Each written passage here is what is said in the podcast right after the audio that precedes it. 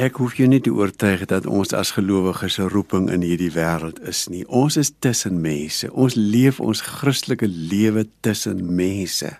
En die liewe Here help ons. In Filippense 4 help hy ons op 'n baie besondere manier oor ons eensgesindheid, ons inskikkelikheid, ons blydskap, ons gebedslewe.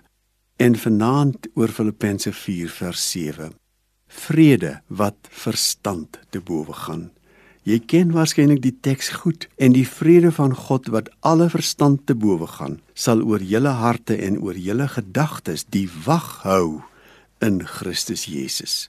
Nou dit word gekoppel aan ons gebedslewe, want ons vrede vloei eintlik uit hierdie praat met iemand wat die God van hemel en aarde is. Ek het 'n Ou Testamentiese kollega gehad wat altyd gesê het as jy 'n Ou Testamentiese gelowige gedruk en gedruk het, wat glo jy nou regtig? Dan sou hy uiteindelik het vir jou gesê het ek glo in God wat die hemel en die aarde gemaak het.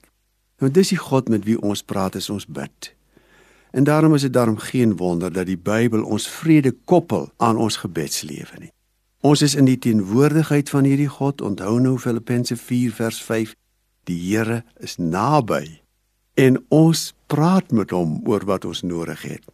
En dan gee hy vir ons hierdie vrede, my kind.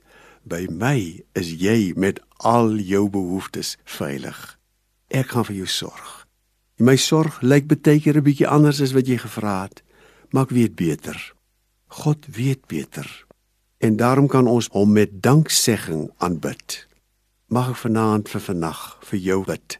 Mag die vrede van God wat alle verstand te bowe gaan, mag dit jou en my hart en my gedagtes so beheers dat ons 'n nag van vrede sal hê in Christus Jesus.